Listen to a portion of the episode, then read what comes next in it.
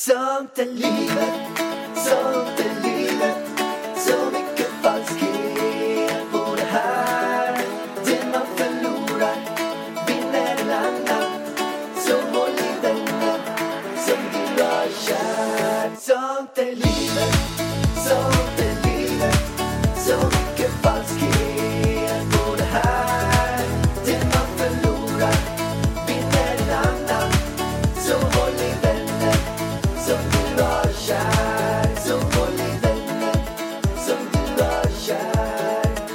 Välkommen till Sånt är livet med... I wanna dance, dance, dance Hörru du. Alltså jag är typ lite starstruck. Men, jag med, men hallå du måste ju liksom, jag gör värsta inledningen här och du bara... Men jag har fått den på hjärnan. Jag träffade precis Benjamin Ingrosso. Ja men det gjorde jag också. Ja, med Alex och Ida. Benjamin Ingrosso. Dance, Välkommen dance. till Benjamin Ingrosso. Okej. Nej men alltså, är inte han cool? Det var ju så att jag intervjuade ju honom precis för Framgångspodden. Mm. Och du gillar honom också. Du satt ju och röstade honom som en sån här kanin. Satt du Du, röstade på alltså honom. när Benjamin körde första gången, alltså jag röstade ihjäl mig. Och även på finalen. Alltså Benjamin har varit min favorit sen dag ett. Och vi träffade ju också hans eh, koreograf i, när vi skulle åka till Thailand. Men Sain, jag känner Sain sen innan. Vi har ju Jag- dansat ihop förr. Jag sa till Benjamin att jag kände sign. Jaha, du ville vara lite cool när du Jag, jag ville skulle träffa försöka Benjamin. droppa lite sådär. Ja. Okej, ja. Men du, jag tänkte att vi ska börja med att berätta lite grann vad vi har gjort. Och då kan jag fortsätta här. Jag har haft en jäkla massa intervjuer idag. Ja, kör. Du har kört värsta poddracet idag. Det här är din Värsta. tredje podd. Hur mår din hjärna? Nej men det känns bra. Först hade jag en podd med typ Sveriges äldsta människa tänkte jag säga. Men hon är inte äldst, men hon är, hon är världens äldsta bloggerska. Dagny Karlsson. Stengrym. Hon är 105 105, år. år. Fyller 106 år i maj. Alltså, hon är min idol. Men Alltså, hon är så cool. Jag har hon läst hennes bok. Hon sitter och bloggar. Hon, eh, nej men hon är ju bara eh, så otroligt skön. Men du, det finns väl en, eh, är det en dokumentär om henne på SVT? Mm. Den så, var det du och jag som såg den ihop? Ja. Kan rekommendera, alltså jag tycker hon är ascool. Hon är på gymmet och boxas, alltså jag, hon är min, alltså jag vill, Ta inga mediciner. nej. Alltså hon behöver inte göra något, hon har typ inga krämpor. Hon är ju lite, hon har bra hållning faktiskt också. Men jag frågade henne så här, vad är, vad är nyckeln till att leva länge då? Och hon eh, sa det att eh, man ska inte grämma sig så mycket över små saker. nej. Och inte ta saker på för så himla stort allvar och göra det man verkligen trivs med. För att då får man ett bra liv. Då ligger vi ganska bra till eller? Jag hoppas på det i alla fall. Eller det här med småsaker tror jag vi kan bli bättre på, båda två. Ja, jag tror att båda vi kan vara... Mitt temperament kan ju vara ganska hektiskt. Ja just det, alltså. du är ju faktiskt Jag är ju 50% du är ju, chilenare. nej men du är, alltså på riktigt, på en dag, hur, mycket, hur arg kan du vara på småsaker? För du går runt, alltså, om jag kollar på dig när du är hemma och sitter och jobbar, då sitter du och skakar på huvudet så här. Och då är det ju någonting, alltså jag ser, nu är det inte läge för mig att prata med honom. För att nu är det något, han har läst något i något mail eller någonting som, alltså, du, du är lite, lite bitsk på dagarna va? Ibland kan jag vara det. Mm. På olika saker. Om det är så att... Men jag, jag kan bli så här, jag kan vara cool lugn. Och sen bara rätt vad det händer något så bara... Dum, bara tänder det till i mig. Mm. Jag är så jävla förbannad på så här en millisekund. Och det är någonting jag verkligen vill jobba med. För att jag tycker det är jobbigt men man har någon typ av, jag vet inte om det är testosteronet eller något som bara tänder till på en sekund. Så blir jag typ svinlack. Jag, jag förstår ju inte det för att ibland så kan det vara så här, du, du hemma sjunger Benjamin i köket, woho, livet är party och sen så, så har det kanske gått fem minuter och så är jag lika party fortfarande och så bara hjärtat kolla här, du bara håll käften typ. För att då skriver du på någon bok eller Håll någonting. käften säger jag inte för Nej men typ, du kollar på mig, du ger mig håll käften blicken. Exakt. Som att jag var jobbigast i hela världen och att jag bara ska gå ut och ja, försvinna. Ja, inte lätt det där. Alltså, Nej men hur ska jag veta? Du, du, ja. Det är kanske är du som har gravidhormonerna. Ja, uppenbarligen så kanske det är det. För tycker du, upplever du mig sån? Som, Med såna där humörsvängningar? alltså det, ska jag berätta det jobbigaste jag tycker med dig? Ja. Jag tycker nog det jobbigaste med dig är att, eh, skönt att sitta och prata som det här, vi kommer komma in på giftermål, men nu sitter vi som man och fru och pratar om vad vi hatar med oss varandra mest. Men i alla fall, nej, men det jobbigaste med dig kan jag tycka att du kan säga saker som är så här olämpliga.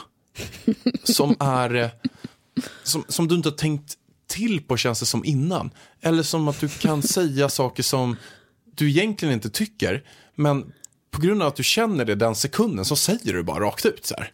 Och, och det, kan jag, det kan göra mig väldigt, väldigt Jag irriterad. säger ju aldrig någonting som jag inte tycker.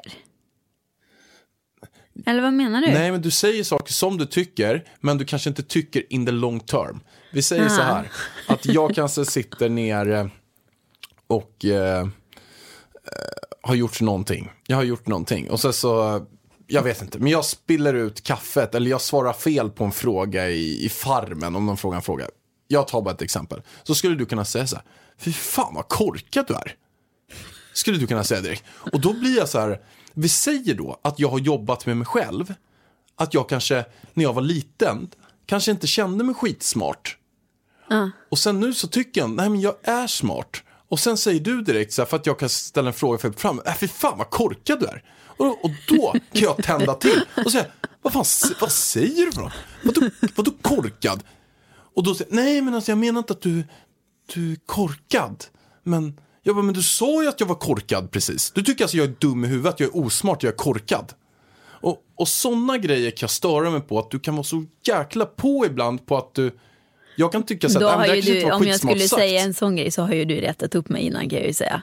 För jag drar ju inte bara ur mig, du är korkad. Men om du skulle fråga mig någonting eh, så svarar jag ju alltid ärligt. Och tycker jag då att du, att du är lite korkad så kommer jag ju säga att du är korkad. Så man ska aldrig någonsin fråga mig om man inte vill ha ett ärligt svar. Och visst, det är min grej. Jag kan ibland säga det jag tänker.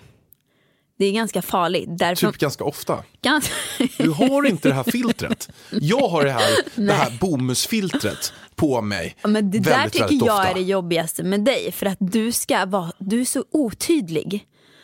Så jävla luddig med vad du tycker och typ om vi ska ses en dag. Jag vet inte om det var klockan 14, var det 14 han menade? Eller skulle vi podda? Om jag frågar så blir du lack liksom. Eh, du, du, du, ja. Jag är, jag är för tydlig. Nu var du otydlig. Nej, Förtydliga.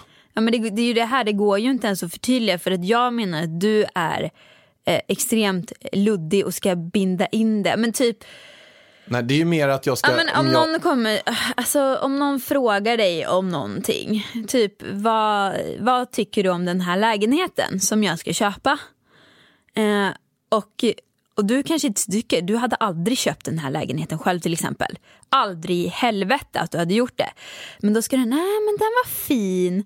Eh, det finns ju några nackdelar och, och, men väldigt mycket fördelar också. Ja, men exakt, så Eh, skulle jag... Sådär, jag skulle säga nej alltså det var fel planlöst, jag skulle inte köpa den här om jag var du. Så Men- skulle jag men svara. Det är inte, och det är inte det som är problemet. Jag hade ju sagt så, om det hade kommit någon och frågat mig så här, du vad tycker du om den här lägenheten och funderar kanske på att köpa den. Men problemet med dig, det är ju för att ta lägenhetskonceptet som gör att du skjuter dig själv i foten. Du tar en kniv nu, sticker den till ryggen du ger mig, så, så hoppar du in i kniven själv. Så mycket lägger du upp en smashboll på dig själv nu. Så här var det. För ungefär typ något år sedan så gick jag och Ida en promenad. Så kommer det fram, så hade vi gått runt på lite visningar. Eh, vi är utanför ett ställe på Sveavägen där någonstans. Vart uppe och kollat på en lägenhet på Sveavägen. Kommer ner och då möter vi en kompis till mig.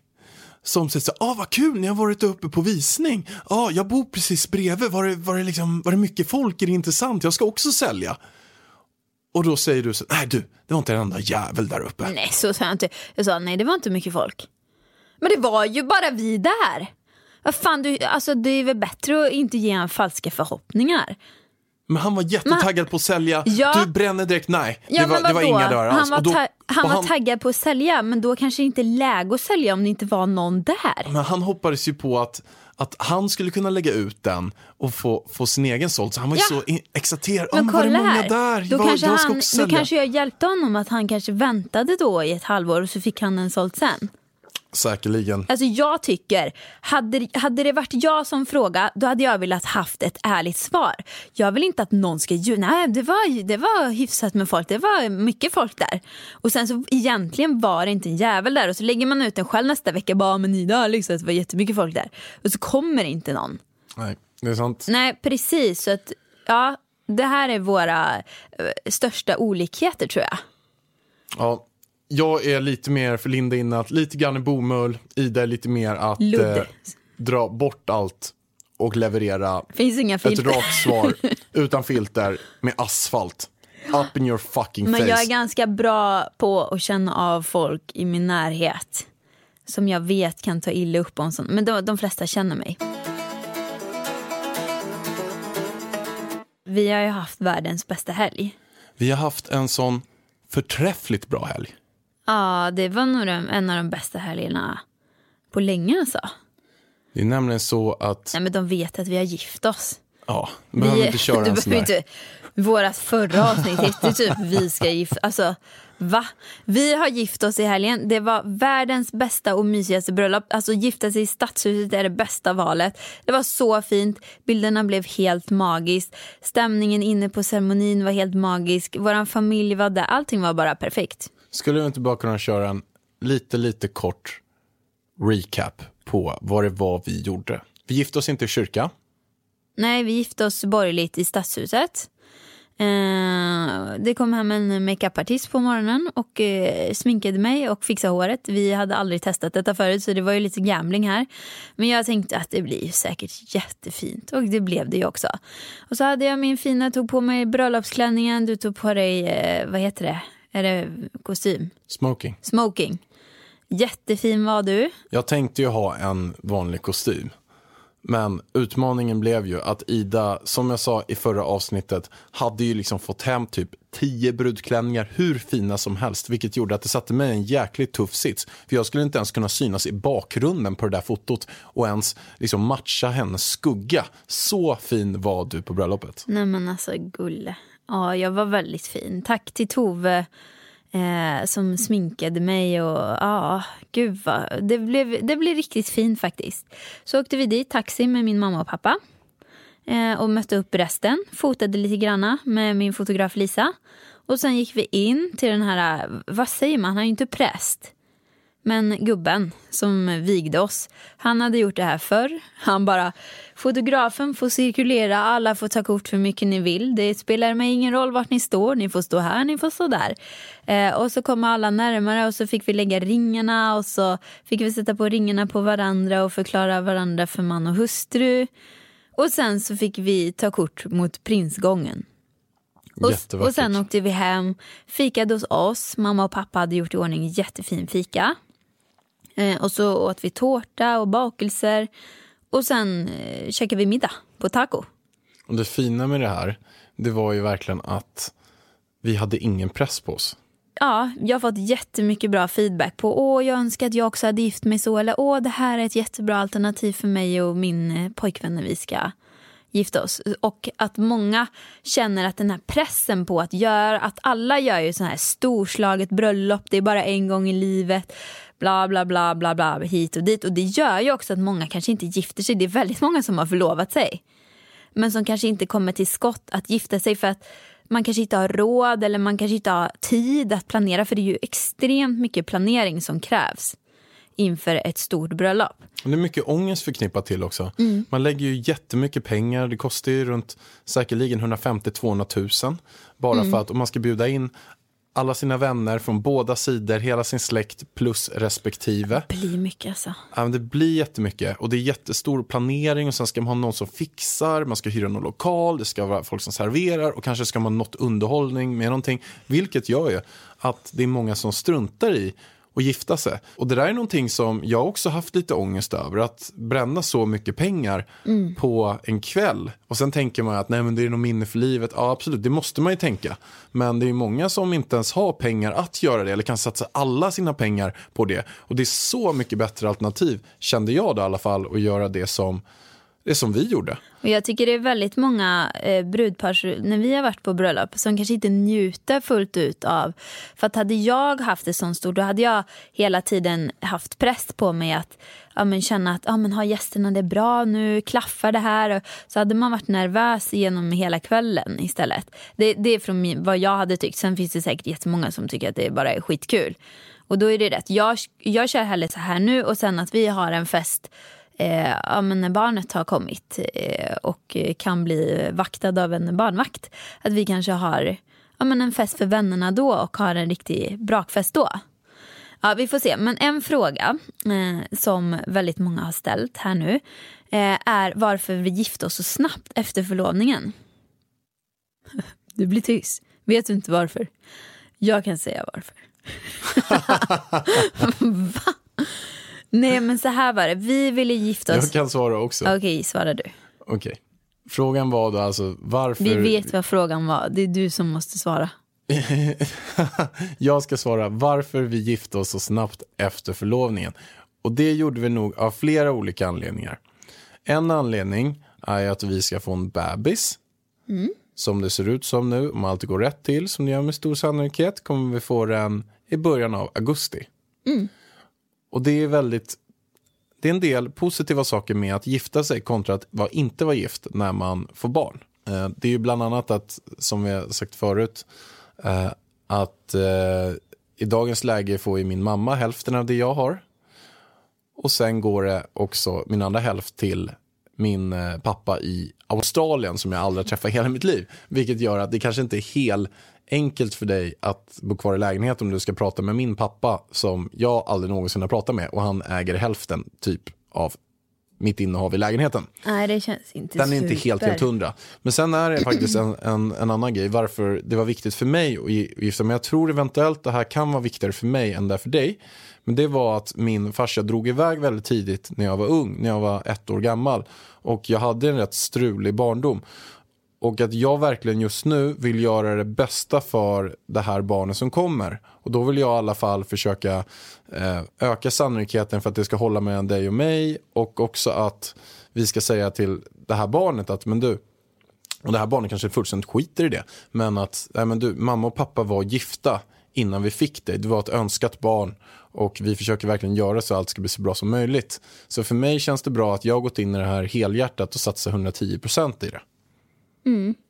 Och också, alltså det finns så många punkter som gör att varför vi gifte oss innan. Och det där var två punkter. Och sen att annars skulle du behöva göra faderskapstest och allt det där för att få vårdnad om barnet va?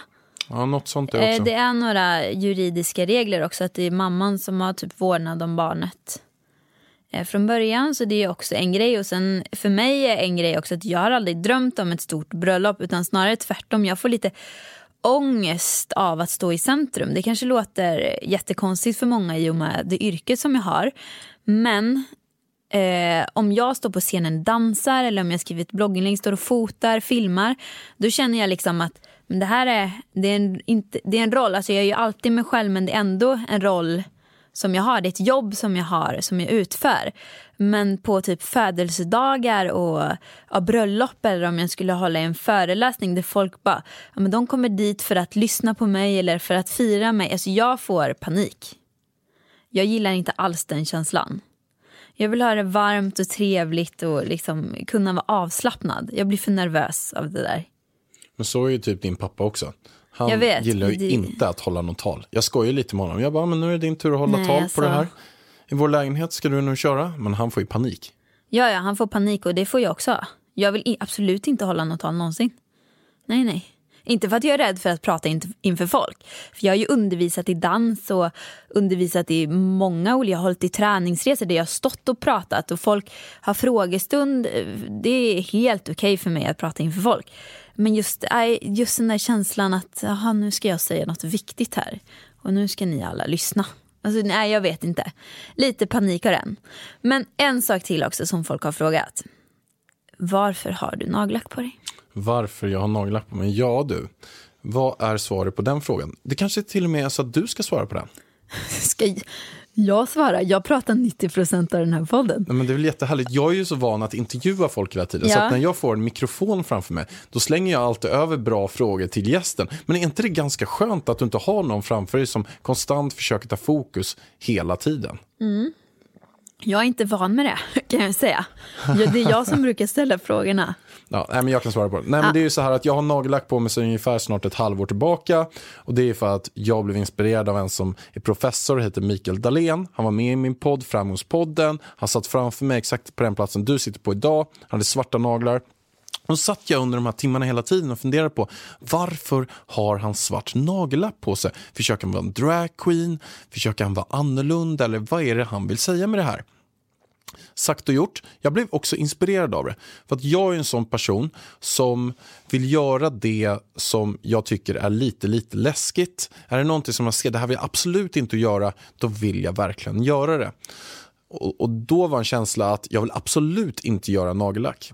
Veckan efter så skulle jag ha två föredrag för olika banker. Det var bland annat Collector Bank och sen var det också Swedbank. Så jag skulle stå framför 400 pers på respektive bank och stå och prata.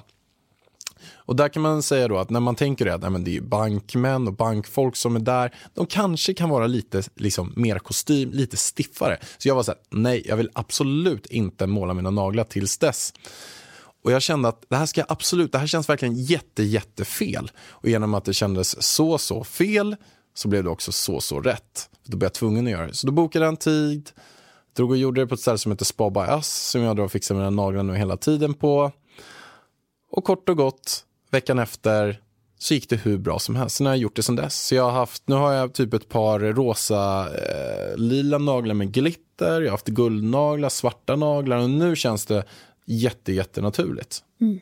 Och då frågar ju många av mina följare, bara, hur kan du tillåta honom att ha nagellack? Vad tycker du om det? Eh, eh, eh pärlan bög var det någon som frågade mig. Jag bara, eh, ursäkta, alltså jag tycker att det är superfint. Jag älskar att du fixar dina naglar. Jag menar, jag har fixat mina naglar i tio år när jag ser en kille som kommer med sina sketna fula naglar. Jag bara, Öh! Jag tycker det är asnice att du har fräscha naglar. Som, alltså, det ser fräscht ut, jag tycker det är snyggt. Så att eh, jag tycker fler killar istället borde gå och fixa naglarna. Det häftiga är att det är jättemånga som har skrivit till mig på Instagram och fotat när de har gjort naglarna själva. Bra. För att det är det som är det häftiga. Folk kan säga så, folk har skickat till mig också, vad fan gör du naglarna för? Ah, sådär. Det är snyggt. Det är oftast killar som gör det också. Så här. En, faktiskt en del tjejer också som har skrivit så här, "Äh, jag skulle aldrig tillåta Ja, men min till mig är det ju pojkvän tjejer som har att skrivit. jag gjorde det här det här det här. Det som är utmaningen då som jag skulle ge till alla de personerna som gör det, framförallt då killar för att de är inte vana vid att göra naglarna, det är att okej, testa att göra det först, ha naglarna i tre veckor, sen kan du återkomma. För då har du visat att du verkligen vågar göra någonting som de flesta inte vågar göra. Det är, det är någonting som är ganska enkelt att göra men skiljer sig så otroligt mycket från mängden vilket gör att man går emot normer. Och det tyckte jag var spännande, att jag kan göra en sån liten detalj som gör att folk har fått en helt annan uppfattning än av mig. Det tycker jag är intressant. Mm, jag tycker det är häftigt. Mycket coolt. Men hjärtat, jag har en fråga till dig. Oh, ska du fråga chans på mig? Jag undrar hur det känns att vi nu är fru och, vad säger man? Man.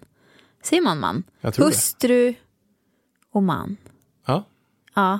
Jag tycker att det känns jättehäftigt. Det känns, det känns som att vi är ganska unga hustru och manisar. Fast, fast grejen är så här, vi är inte så jävla unga som vi tror. Nej, Eller men som man du tror tror. ju att man är ung. Du, ja, alltså vi är ju inte gamla. Fast jag är den första i mitt gäng som har eh, blivit man. jo, men det är så. De flesta har ju friat. Ja. Typ alla har ju friat. ja, men så som vi sa men innan. ingen har ju gift sig. Nej, det är, nog- jag är inte den första frun. Men jag har också några som har friat långt innan men som inte är gifta. Ja, men hur känns det?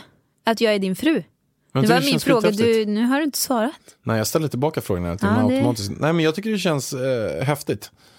Att du är min fru. Det Du är, sa ju det till Benjamin eh, där ute. Här är min fru. men alltså, jag tycker fruen då känns, det känns så himla vuxet. Nej men vet du, jag inte det? tycker det känns så jävla power.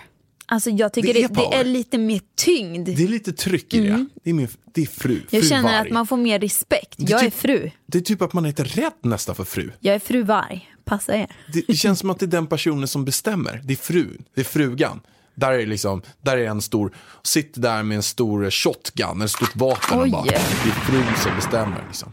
Okej. The brain. Okej. Men känns det inte lite som att eh, man kan vara lite rädd för en fru? Det lite ska man vara. Speciellt Det lite- om det är fru varg. Det det är livserfarenhet, man har kommit långt, man har gjort massa grejer, man har skinn på näsan, man vet vad man tycker och tänker. det är Miss Fru Varg. Power. Power. Men det är någonting som eh, också är väldigt intressant, som, som man faktiskt, eh, jag har funderat på också en del. Och det är ju det här med själva förlossningen. Och det som är intressant är det, är det att hur ska min plats vara? Hur ska du avlossa, tänkte Vänta säga. lite, vänta lite. Så du tycker det mest intressanta med förlossningen är vart du ska stå någonstans? Nej, det är helheten som är det intressanta. Ja. Men jag vet heller inte hur det kommer att kännas. För mig. Men hur fan tror du det kommer kännas för mig? Nej, det tror jag Va? kommer vara väldigt blandade tankar. Oh my god. Vet Men jag tror, jag tycker hela den här grejen är jätteintressant. Jag tror att det kommer vara en superstor upplevelse för oss båda två. Självklart är det du som gör jobbet och det är hur tufft, tungt och exceptionellt som helst för dig. Det måste vara, det måste göra hur ont som helst men ändå att föda ut ett barn ur sin kropp, det är Alltså, ju helt det- overkligt. jag, har, jag var ju hos min, en av mina bästa tjejkompisar igår som födde för några dagar sedan. Hon födde vaginalt och hon berättade ju sin historia. Vad och, det är så här, hon då? och grejen är så här, efteråt, då vet jag inte riktigt om hon gillade det eller hatade det. För att det är sån skräckblandad förtjusning som alla berättar det med. Och alla har olika stories. Alltså nu har jag ändå nu har jag ganska många runt omkring mig som precis ganska nyligen har fött.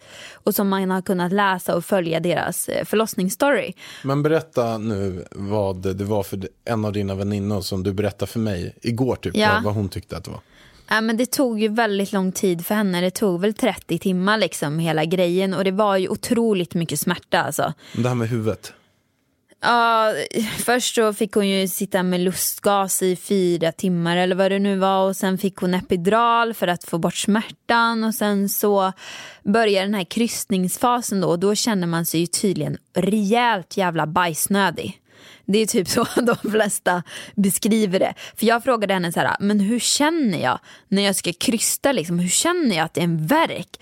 Hon bara, ja det känns som att du har liksom världens jävla bajs på gång. Alltså en sån här riktigt bra bajs som du knappt behöver torka efter. Alltså typ så beskrev hon det. Och sen så ska man då krysta. Eh, och hon berättade då att hon så här, ja, men krystade, krystade, krystade och huvudet liksom kom ut och så var det nästan så att det kom hela vägen ut men sen bara orkade hon inte mer så bara flipp, så flög huvudet in igen. Och så höll hon på typ tre gånger innan hon fick ut lilla bebisen. Och så spräcks man också va? Ja, eh, de flesta, eh, jag tror inte jag har träffat någon som inte har spruckit. Så man pressar, pressar, pressar och sen kommer nästan ut och man spräcks och sen... Ja, hon sa också att när huvudet är där så känns det liksom som att eh, Ja, alltså det gör så ont så att hon visste inte vart hon skulle ta vägen. Alltså det kändes som att, och då hade hon ändå epidural ska vi säga. Inte, inte liksom full effekt. Men kan de inte ta tag i det där, det där huvudet med någonting Nej, och bara de rycka kan ut inte eller? ta, alltså de tar ju tag sen. För sen när huvudet väl har, hela huvudet har kommit ut, då säger det med flupp och så drar de ut hela bebisen. Jaha, men man kan inte göra det på huvudet. Nej inte, men vad fan ska de ta öronen och typ dra ut. Jag vet, man kanske Ah. kan sätta på någon sån här ställning på huvudet eller någonting och rycka ut det med någonting. Nej men alltså grejen är så här, jag har ju funderat mycket på det här. Aha, hur ska man föda? Och jag vet inte ens om man får eh, välja eh, i Sverige. Jag har ingen aning. Vissa säger det är klart du får välja för att de fick välja. Medan andra bara nej du får inte välja, det är vaginalt som gäller. Men jag vill ju föda vaginalt om det går. Eh, så det vet jag ju. För att det känns som en häftig upplevelse ändå. Och jag är inte rädd för förlossningen. Men det jag är rädd för, eh, för på förlossningen det är ju typ att man ska bajsa på sig. Jag Vadå tycker in- om du ska göra Nej, men, Det kommer ju bli att du jag gör är mera, Jag har lite mer panik för att jag kommer typ skita ner mig på, för, på förlossningen. Men tror du inte att För det bara... har varenda jävel gjort som jag har pratat med. Men blir det inte så att så, att, så att om man ska göra någon typ av effekt på det så blir det som man bara Men det är väl klart att det kommer ut liksom. Det är väl, ungen trycker väl säkert där bak och sen så tar man i sig, alltså oh my god alltså. Ja, men jag tror inte det är det jag ska vara mest rädd för. Det tror Om jag, inte. Men Nej. du har ju också funderat på att föda i vatten. Ja men våran barnmorska tog ju upp det här med eh, vattenfödsel. Att det finns förhoppningsvis, grejen är att det sjukhuset har inte det än. Men när jag, jag tror jag pratade om det på min Youtube-video och då var det en från SÖS, för det är SÖS som kommer ta in sådana badkar.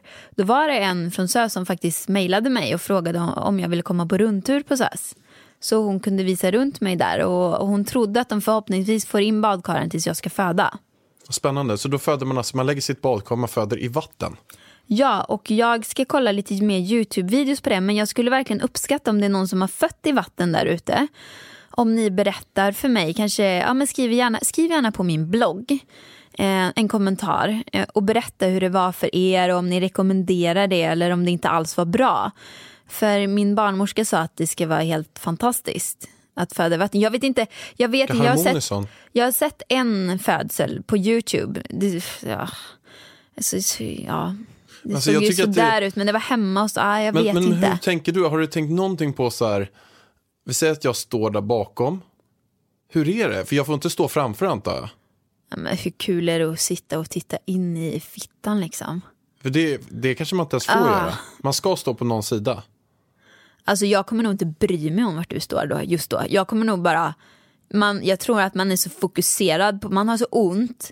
Så jag tror Ja. inte man kommer bry sig om man bajsar ner sig eller om du står och kollar mig rakt in där eller whatever. Jag tror bara man bara vill ha ut barnet. Och du börjar bli rätt stor nu. Du kommer bli ännu större sen. Alltså, Då kommer det vara som en stor, stort blåbär. Jag är ju inte stor men jag, det börjar ju synas verkligen. Jag kan ju inte dölja den här lilla kulan längre. Nej, verkligen. Lilla kulan. Då jag tänkte att vi ska hoppa in i en sak som har blivit eh, uppmärksammad på min LinkedIn. Som många kommenterar på, tyckt var superbra och intressant. Så jag tänkte att jag ska läsa upp den. Kör. Det är någonting som du och jag försöker i alla fall leva efter ganska mycket. Och att man behöver nog tänka på det här. Framförallt innan allt är för sent. Och det lyder så här. Man ställde en fråga till eh, många som var äldre när de låg på sin dödsbädd och frågade dem så här. Om du fick chansen att leva om ditt liv, vad skulle du då göra annorlunda? Och då sa de fem saker. Jag ångrar att jag inte haft modet att leva enligt mina drömmar istället för vad förväntas av mig. Jag önskar att jag inte jag hade jobbat så hårt.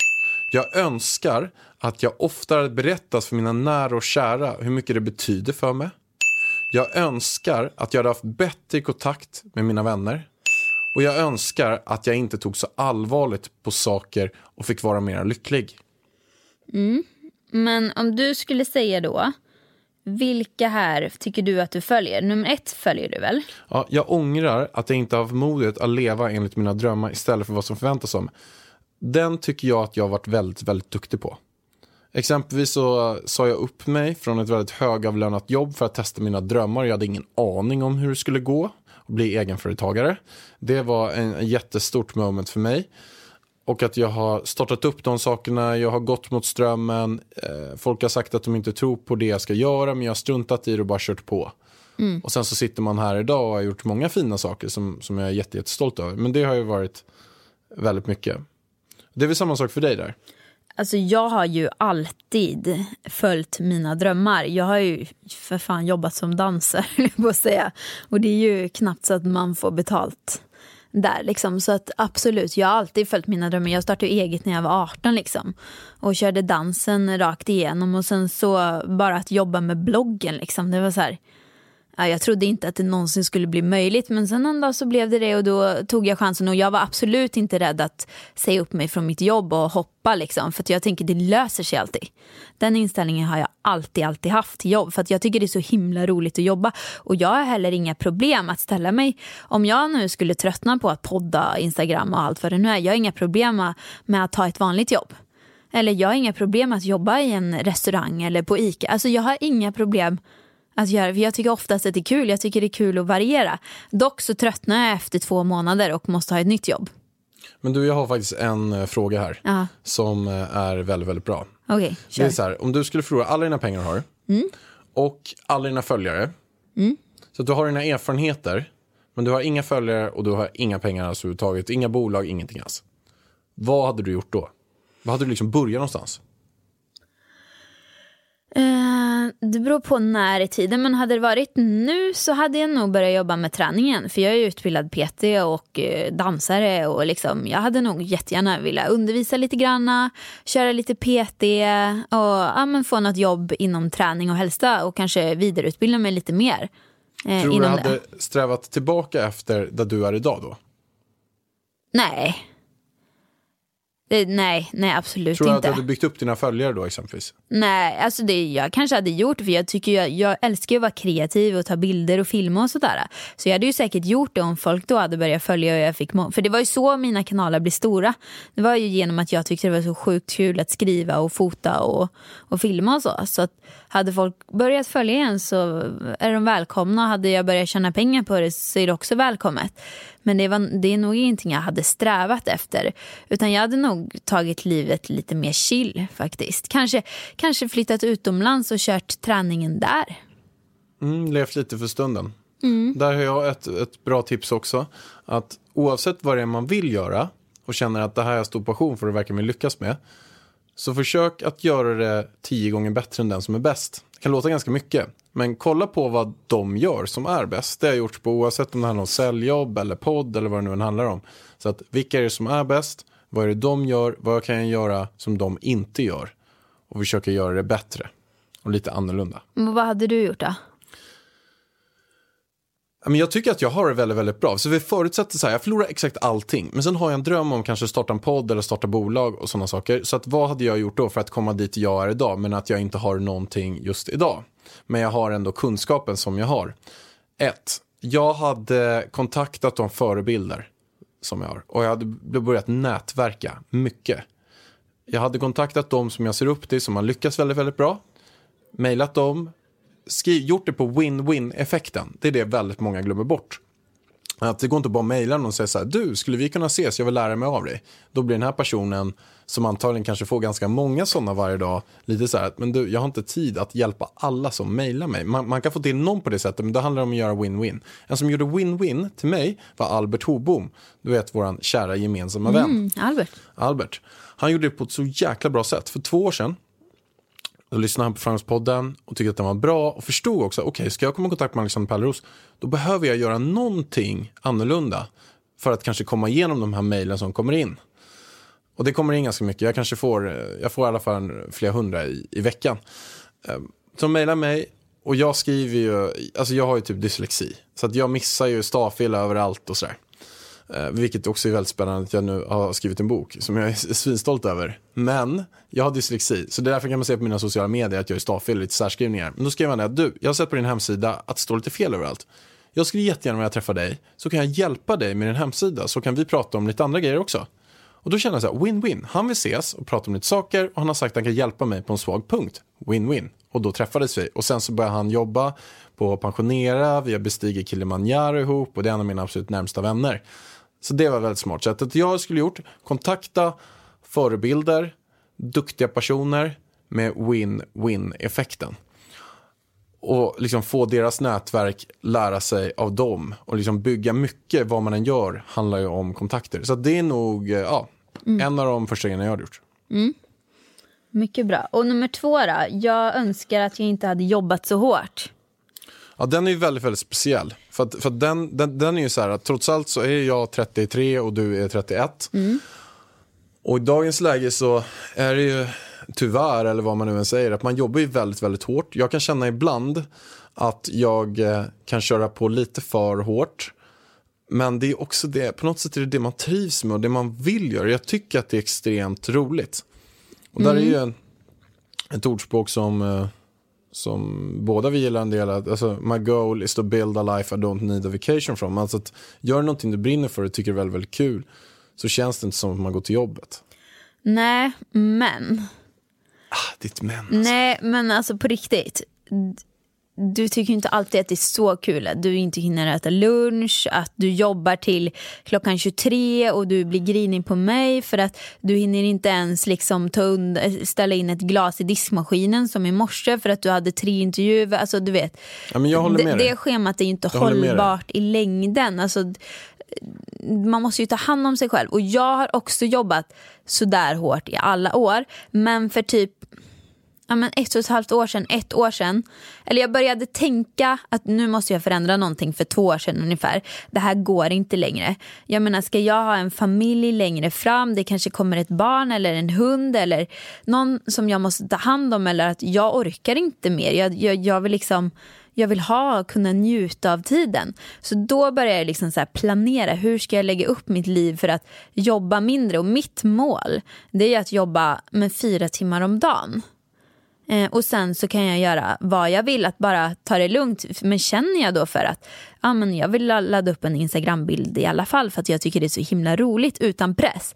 Då kommer jag ju göra det såklart.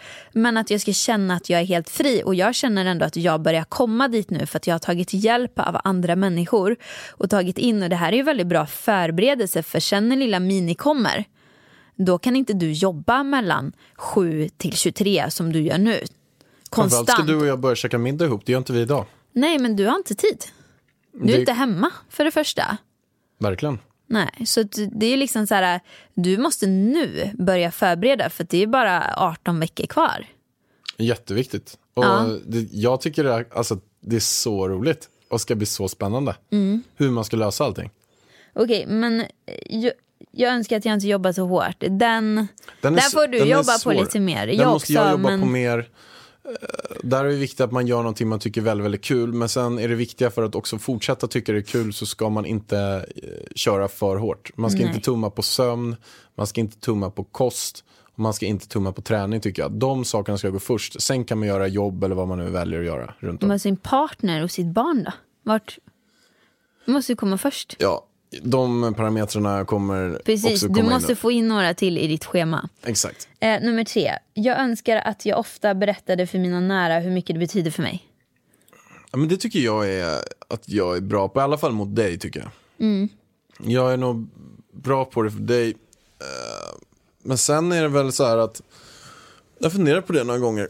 Jag är ju jättesocial och trevlig och snäll och alla de där bitarna. Men, men fan, har jag så mycket kompisar? Nej. Alltså har jag så mycket kompisar? Nej, och det, nej, du har ju inte det. Och det är ju fyran också. Jag önskar att jag hade bättre kontakt med mina vänner.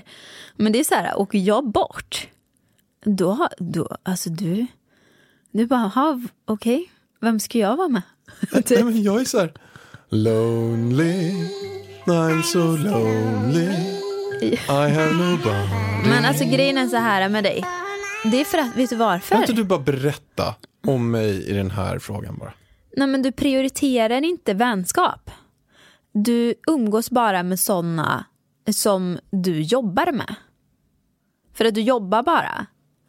Nästan. Och när det väl kommer typ en påskhelg eller julhelg eller någonting sånt där. Då är det ju liksom för då, då är det ingen som jobbar. Då kan inte du umgås med dina jobbkompisar. För att då är de med sina vänner och familjer och grejer. Fast det är ju, det, det är ju så här. Ja. Att jag jobbar ganska mycket med alla olika saker. Jag träffar jättemycket, Du träffar jättemycket folk. människor. Hur mycket människor som helst. Som jag tycker det är hur häftiga som helst. Mm. Verkligen. Men sen när jag väl får tid över. När jag kommer hem på kvällen. Du är bortrest, vad som helst. Då vill inte jag åka och träffa någon vän. Jag vill bara vara själv. Jag tycker det är så skönt att kunna ladda batterierna och bara så här, lägga mig i soffan, lägga mig och kolla på en film, gå och träna flera timmar. Alltså själv, jag, kan, jag åker på, gå på bio själv till och med. Ja men jag, något håller med dig om att Jag vill, jag vill ladda, för min del är det så, alla människor är olika. Men för mig är det mer att istället för att åka till någon förfest och sitta där med tio pers och sitta och prata med hög musik. förfest på Nej, riktigt. men vad som helst. Man sitter på en middag då, tio personer, och sitter och pratar. Så för min del tycker jag det är så himla nice att bara vara själv. Jag Men kanske vi- är en liten enstöring där. Ja, fast jag återhämtar mig också när jag är själv. Jag älskar att vara själv. Men jag tror att jag jobbar ju och träffar folk. Liksom, jag har satt en tid. Jag vill inte ha möte innan 10 och jag vill inte ha möte efter 17. Utan mellan 10 och 17 så kan jag vara ute och träffa folk. Jag kan jobba. Eh, och sådär. Eh, och, ja. Men sen vill jag hem och återhämta mig. Jag måste få vara själv, jag måste få kolla på serier. Jag måste liksom få göra det jag vill hemma själv. Kanske bara hänga med dig eller så. Och då har jag återhämtat mig för den dagen. Eh, och jag är skittrött på fredag kväll och måste få vara själv oftast. Men typ på lördag och söndag då har jag återhämtat mig på fredag. Så att jag är astaggad på att träffa vänner, gå ut och fika och sådär. Så jag tycker att du ska ta det som en uppgift att istället för att om du bokar en träning eller, eller ja du hör ju träning. Om du bokar en dejt med en kompis på helgen då måste den dejten innebära att ni måste göra någonting. Ni Men måste ha ett varför möte. behöver det vara det för? Ni måste träna, du måste få ut något för annars så skiter du i det. Jo, men så är det. Men du skulle ju aldrig boka en, en fika med en vän och sitta och prata i tre timmar så som jag gör varje helg. Nej. Nej, Bara men, prata om livet. Nej, men det handlar ju inte om att man behöver göra det. Alla är olika. Mm. Vissa vill det ännu mer, att hänga med, eh, alltså Mm. klarar inte att vara själva och vill göra varje kväll. Och vissa vill inte alls. För min del är det mer att jag vill inte göra det. Och det är ingenting som är fel med det. Nej, alltså, alla är inte om du, inte om du trivs med det liksom. Exakt. Men jag- alltså, det är ju så också att jag gör ett aktivt val. Alltså att Ja. jag, när jag väl har en ledig kväll, då vill jag själv. Och det är ju många gånger exempelvis som du frågar så här, men vi tar bara nu när det är påsk, vill, vill, du följa med till Åmål? Och då är det att jag har filmning på måndag redan, vilket är en del. Och sen så har jag en del jag ska fixa med. Men den största anledningen varför inte jag vill följa med, det är för att jag tycker det är nice att vara själv. Alltså att jag, jag tänker så här, wow, jag vaknar upp en lördag, jag har ingenting bokat. Jag har ingenting bokat på söndagen. Och sen lägger jag mig, kollar på någon film på Netflix. Jag kanske drar en promenad, jag drar ut och tränar, kommer hem. Och jag är själv. Jag, har, jag laddar batterierna och gör det jag verkligen vill göra. Och det där blir på något sätt någon så här återhämtning för mig. Att göra då och då. Ja, men jag håller, alltså Och absolut. därför kan jag ibland inte vara sugen av att okej nu när jag har haft en vet, ganska maxad tid, maxad vecka, det är mycket som händer i ens liv. Då blir inte jag sugen att åka och träffa tio Nej, andra på, min riktigt, lediga kommer tid. du, Alltså. kommer du kommer sitta och jobba under hela påsken. Nej men jag gör ju inte det. Är du säker? Ja, men alltså jag har, eh, måndagen kommer jag filma och göra det. Men de andra dagarna kommer jag säkert göra en del. Men jag kommer fokusera på typ träning, ta det lugnt och bara vara med mig själv. Men det jag menar är att du kanske ska lägga in återhämtning varje dag. För du återhämtar dig inte måndag, ingenting måndag till fredag till exempel. Jo, jag tränar ju. Ja men det är ju så här, du slänger in träningen mellan två... Nej, jag kanske ma- yogapass. Ja, på kvällen och så kommer du hem jättesent. Nej, jag kommer inte sent. Jag lägger Nej, mig vid okej. 17. Ja, ja. Jag kör ju aldrig yoga vid 20. Nej. Jag sover ju innan dig. Ja men det är alltid maxade scheman. Ja, det är det. Alltså du, du chill, jag varvar ju ner varje kväll, det gör ju inte du. Du jobbar ju tills du går och lägger dig. Jag jobbar exakt till jag går och lägger mig. Ja. Absolut. Jag, jag tränar och sen kommer jag hem så jobbar jag till jag går och lägger mig. Men jag går fortfarande och lägger mig så här 21.45 eller något. Men du får uppgift av mig att varje dag ha minst en timmes nedvarvning utan jobb hemma, så som jag har. För det kommer du behöva sen. Det tror jag också. Framförallt sen så kommer det vara så att efter 17.00, då är det ingen jobb. Nej. Då är det ju alltså att man ska, först ska du och jag käka ihop, vi ska laga mat ihop. Ja. Så att jag tror också att det är jätteviktigt för den här lilla mini som kommer, att den ser att föräldrarna lagar mat ihop. Det är vi tre, det är familjen som hänger. Precis. Det tror jag är jätteviktigt. Det skulle jag tyckt. Och tyckte när jag var... Det kanske inte är en jättestor grej för mig att jag kommer hem vid 20 och ni käkar vid 17. Vi säger att det är så. Men för den är det så här, åh, du är inte närvarande. Min, min pappa fanns inte där för mig. Och sen när jag precis skulle lägga mig så, så var det någon som kom med en present Så godnatt. så, och sa godnatt. Och då, då mår inte den bra alls för det. Då känner inte den att man har varit närvarande. Nej. Tror inte jag i alla fall. Nej. Nej, jag håller med. Du, du- du ska dra ner på detta nu, vi måste börja öva. Och nummer fem. Jag önskar att jag inte tog så allvarligt på saker och fick vara mer lycklig. Den tycker jag är väldigt härlig och den är nog något man ska verkligen jobba med också. Att jag önskar att jag inte tog så allvarligt på saker och ting. Alltså att det händer olika grejer konstant hela tiden. Jag träffade en person som eh, jättegrym föreläsare som heter Kai Pollak. Jag själv har ju haft olika utmaningar, det har vi allihopa. Och då sa han till mig att alla personer har man någonting man kan lära sig av. Man ska se alla jobbiga situationer och allting som en typ av träning. Och det tyckte jag så att, nej, men det där lät väldigt, väldigt bra. Men sen sa han någonting som lät sjukt bra. Som var så här, wow, nu satt du verkligen spiken i kistan. Och det var så här, alla personer kan du träna på. Och du kommer få massor av utmaningar. Men du får aldrig svårare än du klarar av. Och den tycker jag var så här, wow, så himla rätt.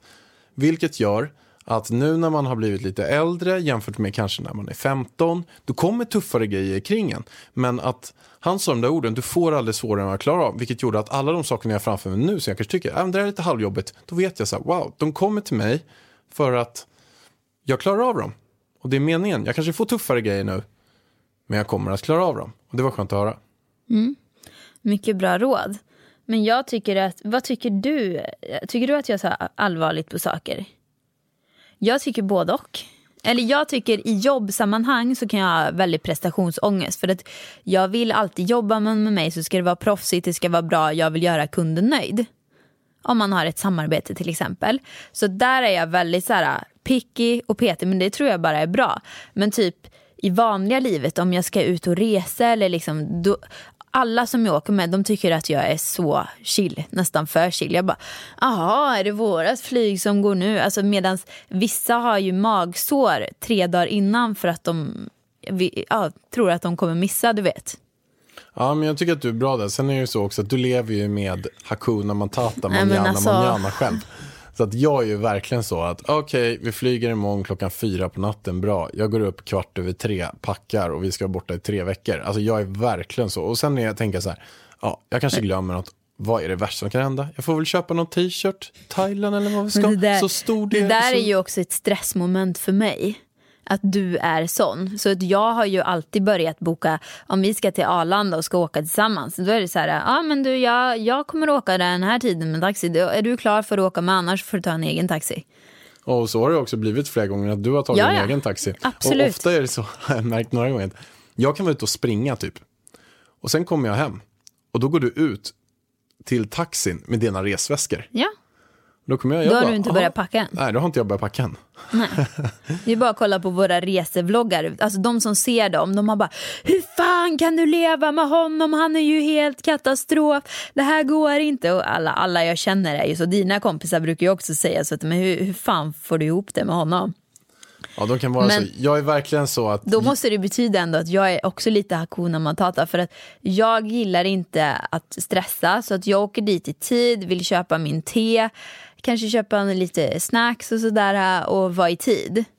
Och jag bryr mig inte om vart du är. Du får, jag vet ju att du oftast hinner men du vill ha det som en sport. Du vill springa dit. Du vill kasta ner saker i väskan. Alltså du, ja. Du ser det som en tävling typ att hinna med. Jag vet inte vad det är för fel på dig på riktigt. Jag vet Alltså- inte vad det är för fel på mig. Nej men alltså du är ju alltid, du är ju stressad. Du, är, du har ju typ Mm. Nej. hjärtklappning och så här. Du är stissig och du glömmer ju halva livet också varje gång vi ska ut och resa. Nej, nu tycker jag du så kommer man fram alltså. så här bara, mm, så ska vi borsta tänderna. Eh, har du tandkräm? Eh, ja, har tandkräm. Har du? Sen bara, eh, har, har du en tandborste? ja, jag har en tandborste. Har du? Eh, har du något att smörja in ansiktet med? Så är det ju varenda gång. Nej, nu tycker jag att du Nej, kryddar. nej, nej, nej, nej, jo, nej, men nej, alltså, nej, nej. så är det ju inte, absolut inte varenda gång. Eh, jo. Det kan hända någon gång då och då att jag kanske glömt någonting. Absolut. Men det är ju så. Jag kan att... säga nio av tio gånger är det så som jag sa nu. Nej, det är det inte. Jo. Jag ska nog börja, nästa gång det händer, du, jag har ingen tandkräm till dig. Det är du, det är du som ska planera tandkräm och, och allting.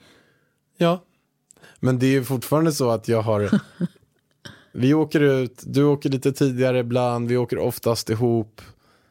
Alltså det löser ju sig. Det är ju lugnt. Ja. Det är inga problem.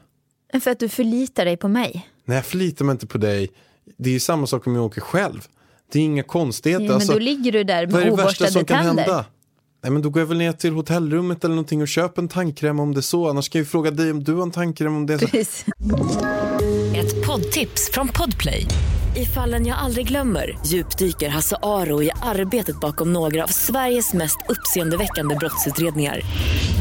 Går vi in med hemlig telefonavlyssning och, och då upplever vi att vi får en total förändring av hans beteende. Vad är det som händer nu? Vem är det som läcker? Och så säger han att jag är kriminell, jag har varit kriminell i hela mitt liv men att mörda ett barn, där går min gräns. Nya säsongen av Fallen jag aldrig glömmer på Podplay. It's not so big deal. Men du hjärtat, jag har ett superduper dundertips till dig och det är att du nästa gång känner dig lite sjuk på natten, att du kanske har fått en liten inflammation i örat till exempel, Du som menar, du fick du menar som vi pratade om förra gången, att jag vaknade upp, trodde att jag har en tumör som växte i Som mitt öra. Åkte in till akuten, Mm. fyra på morgonen, i panik kom in och typ blev utskrattad av all personal och folk som totalt hade blivit överkörda. Precis. Du menar, du menar den gången? Jag menar den gången. Då är mitt tips till dig att vänta en timme extra så kan du ringa vår fantastiska sponsor Kry istället. Du menar använda så Kry-appen? Jag funderade faktiskt lite grann på det, men de har, det- inte, de har ju inte öppet. De öppnar ju sex på morgonen. Jag, Ja, jag men hade en vänta en, i timme, din, fin, din finne liksom hade, den hade kunnat vänta till klockan sex istället. Jag Mm. Jag- lovar dig. Det, jag tycker det är en mycket smidigare idé. Ja, det hade ju varit tusen gånger bättre. För jag hade ju sparat både tid och framför allt också Pengar. pengar och pinsamt. Ja. Att var sk- skäms. Jag Ja, skäms hur mycket betalade du för taxin till, till akuten? 200 spänn kanske? Ja, tänk, du, ja, och så tillbaka. Ja, 200 kanske. Ja. Ja.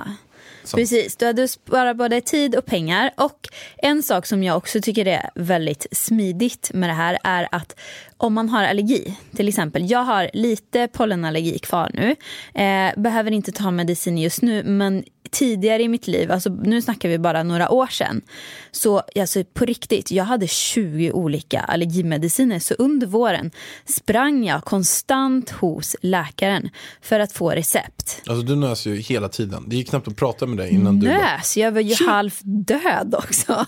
Jag fick ju ingen luft. Du Jag fick ju gå till en sån här som sätter nålar i, i näsan på mig typ. För att jag Kiropraktor? skulle, nej, vad, vad heter det, akupunktur hos en, en, en, en kinesisk dam på, Du hade ju till och med sten i örat. nej det var ett frö. Ett frö, ja. Men det var för en sträckning. Okej. Men okej, för allergimedicinerna, det är ju skitsmidigt att använda Kry då. Det är svinbra. Mm. Det är, och där kan man ju också hämta ut receptbelagda läkemedel till vanliga recept. Så att om man går in på Kry, man laddar ner den appen på App Store eller Google Play. Så kan man prata med en doktor 0624. Det är gratis för alla under 20 år. En, en svinbra klockren app som förenklar och förbättrar och revolutionerar en hel bransch. Helt magiskt. Och Kry finns i Apple och Google Play. Och under påsken nu har de öppet som vanligt, alltså 06 till 24. Så stort tack till Kry.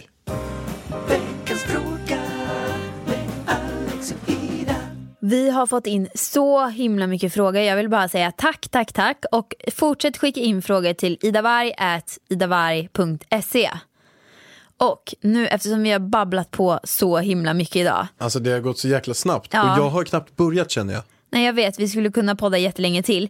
Men vi har lovat att svara på frågor så det får bli en fråga i det här poddavsnittet så får vi kanske ta någon extra nästa gång. Du vet vad jag kom på vi måste göra någon gång? Nej, Vi ska göra världsrekord i poddning. Okej hur länge ska vi, Vi podda ska då? släppa världens längsta podd. Dygna. Nej jag skojar. Nej, men alltså så här. Man ser ju så här en timme, en och en halv timme. Vet du hur länge du och jag ska köra? Konstant. No fucking break. No klippning. Konstant släppa. 10 hours. Oj. 10 hours. Det kommer with inte gå. Sånt. Jo, det kan det. Vet du varför? Även om vi ska käka eller gå på toaletten så får den ena bara sitta kvar och prata om det. Okej. Ja. 10 timmar. Kan vi inte bara kolla hur många som är Vem vill intresserade? lyssna på tio timmars podd? Ja, nu blir det lite Ingen tyst aning. för nu är Ida och kissar här. så bara ing- sitta och smaska. Vad, var det, vad hade du för mejl? idavarg.idavarg.se idavarg.idavarg.se Skriv till mig på Instagram, mejla till den här mejlen idavarg.idavarg.se eller skriv på någon av Idas kanaler, YouTube, Instagram. svara på frågan. Vill ni se mig och Ida köra en 10 timmars podd? Jag släpper alltså världens längsta podd. Alltså bli världsmästare i att podda. Skriv det, då kanske vi gör det. Nu tar vi frågan. Då hoppar vi över till frågan. Jag tror att min bästa kompis har börjat ta livet av mig. Nej, Oj, det var inte ens kul. jag tror att min bästa kompis har börjat ta mig för givet. Vad gör jag? Vad garvar du för? Ingenting, fortsätt. Okej, jag läser om frågan helt. Jag tror att min bästa kompis har börjat ta mig för givet. Det är inte ens kul heller. Okej, vi kör sista. Förlåt. Okej, kör sista. Kör Pallan. Jag tror att min bästa kompis har börjat ta mig för givet. Vad gör jag? Hur ska jag reagera? Och Har ni någon gång känt samma känsla? Det är synd om den här personen. Jag vet. Det är alltså hennes bästa kompis har tagit henne för givet. Det var inte åt frågan, jag skrattade att det var åt dig. Hur det är ska jag reagera? fråga. Och har ni någon gång känt samma känsla? Och där är en liten sak också att vi har gift oss. Vet du varför det är så många som skiljer sig? Det här får jag ändå säga så här, det här är ingen, det här är ingen undersökning som eh, jag härleder till. Det här är vad jag tror varför. Och den här tron är också baserat på mina erfarenheter. Alltså, inte att jag har varit gift, men att jag tror att det är så här. Det är att varför folk skiljer sig väldigt mycket när de har gift sig är för att de tar varandra för givet. De har på sig någon ring som visar att de är ännu låsta till varandra. Vill man skilja sig tar det sex månader. Du vet att om vi är slut nu så tar det sex månader innan vi är skilda.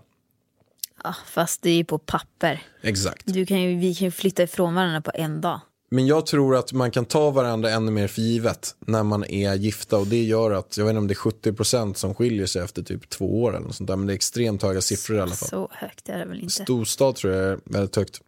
Folk tar den här swipe-appen och testar den istället. Men eh, kort och gott, det är, mm, det är viktigt att man inte tar varandra för givet. Vad är ditt svar? Det är viktigt att man inte tar varandra för givet. Nej, Okej, nej, nej, men tar du mig för givet? Nej, det gör jag verkligen inte. Och jag tror så här, Hur visar, hur visar du att du inte tar mig för givet? anledningen varför jag inte har velat gifta mig på vanligt sätt, alltså i kyrkan och gå till en präst som säger så här, eh, Ja. ni ska älska varandra till döden skiljer er åt och sånt där. Bara för att jag får lite ångest av hela den grejen. Jag skulle vilja att prästen sa så här, grattis till ert giftermål, nu är, ni, nu är ni man och ni är hustru. Kan ni lova mig en sak? Då säger vi ja, ja, bra. Om det är dåligt under lite längre tid, lova mig att ni gör slut. Häng inte kvar vid varandra bara för att ni är gifta. Det tycker jag hade väl någonting man skulle sagt istället. Okej. För, att man, för att det gör också att man inte tar varandra för givet. Alltså att man ska hela tiden ha den här känslan lite grann att man måste prestera för att få den andras trust. Ja, eller så kanske det är så här. Ja, nej men nu, nu bråkade vi här i en vecka. Ah, nej men nu är vi slut. Man kanske också ska prata om saker och ting. Det tycker jag. Jag tycker ibland att det är lite så här gräset grönare på andra sidan i Stockholm. Till exempel, en storstad. Att folk gör slut hipp som happ och hela tiden letar efter något bättre. Som typ aldrig kommer. Så kan det också vara. Absolut, så Och det sen så kan det också vara att folk hänger ihop för länge, absolut. Men man får ju känna efter eh, och liksom göra allt man kan för att ja, få det att funka. Och är det inte rätt så gör man ju slut, självklart.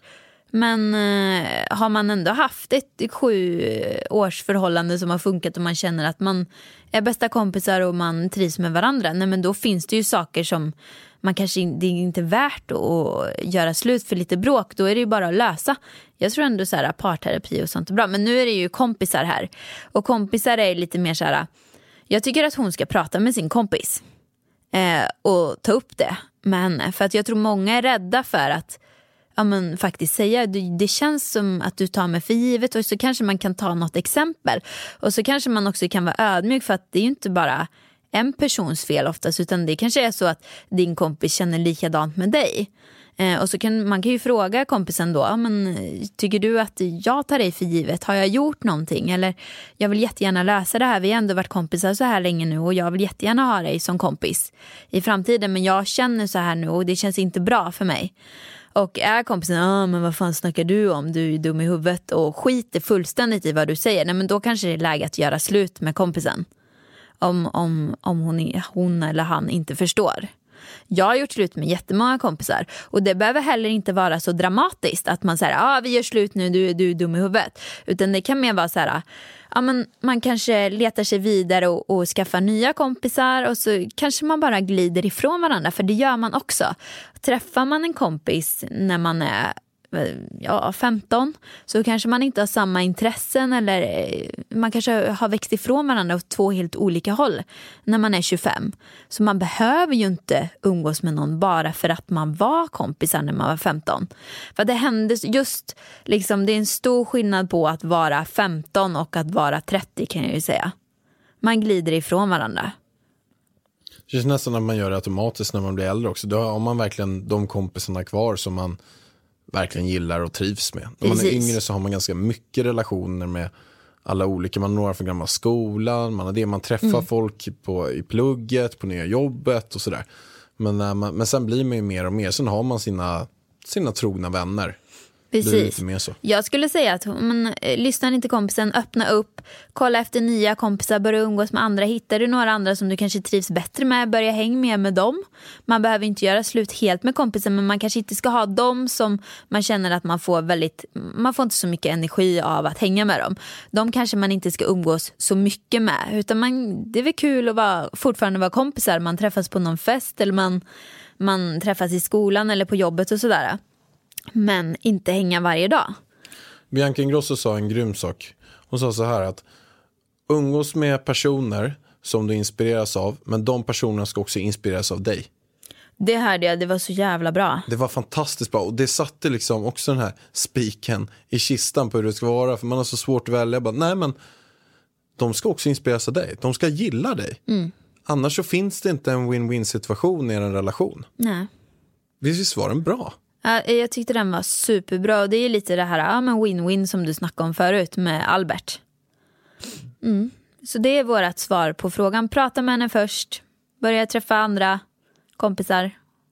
Ja, Ja, och är det så att det inte funkar, då är det bara lite så här, fuck off, hitta några nya ja kompisar. du Det är behöver inte säga fuck off utan bara lite smidigt. Bara umgås mindre och mindre. Ja, och man sen kanske göra. ni hittar tillbaka till varandra senare. Ja. Det är ingenting som, men kompisar ska man förtjäna och de ska förtjänas. Mm. Men hörru, nu har vi pratat så jävla länge. säger jag bara. Otroligt, otroligt och det är länge. påsk och vi vill säga glad påsk till alla.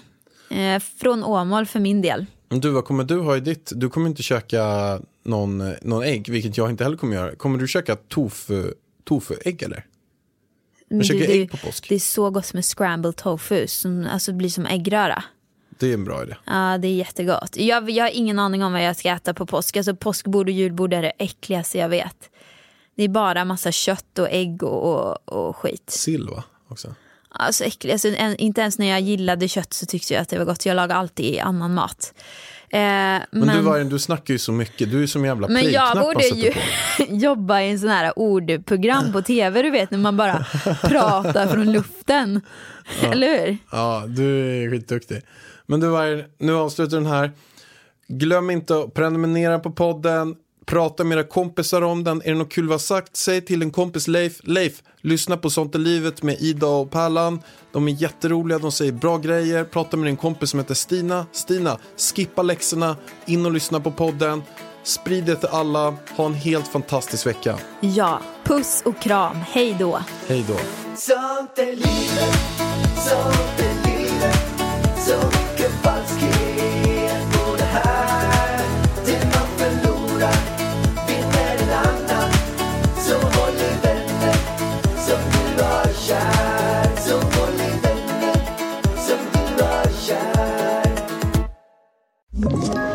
Ett poddtips från Podplay.